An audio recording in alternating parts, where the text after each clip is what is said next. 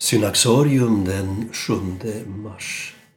Perpetua och Felicitas. Perpetua är just fyllda 20 år.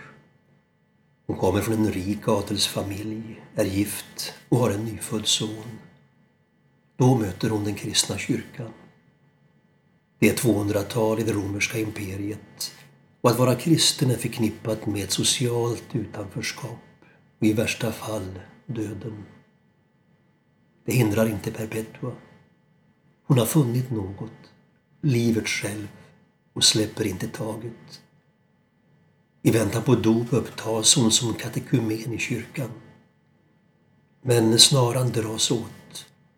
En dag knackar soldater på dörren för att arrestera Perpetua och hennes slavinna Felicitas, som också blivit kristen.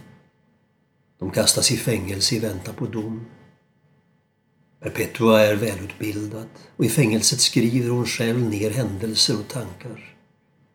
Hon berättar om hur hennes far försöker få henne att tänka på sin status och sin familjs ära.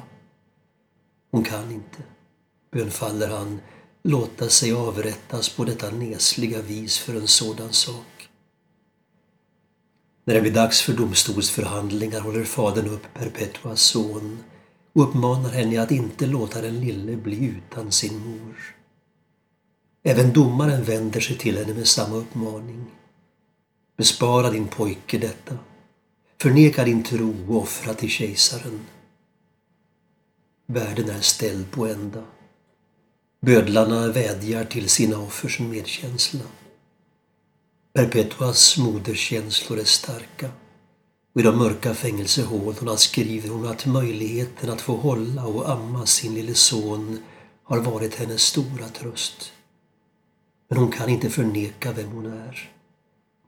Till sin förtvivlade far säger hon Ser du den här krukan? Skulle vi kunna kalla den för ett glas? Eller något annat?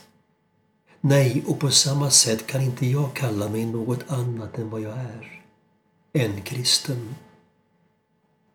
Hon döms att kastas för vilddjuren på stadens amfiteater.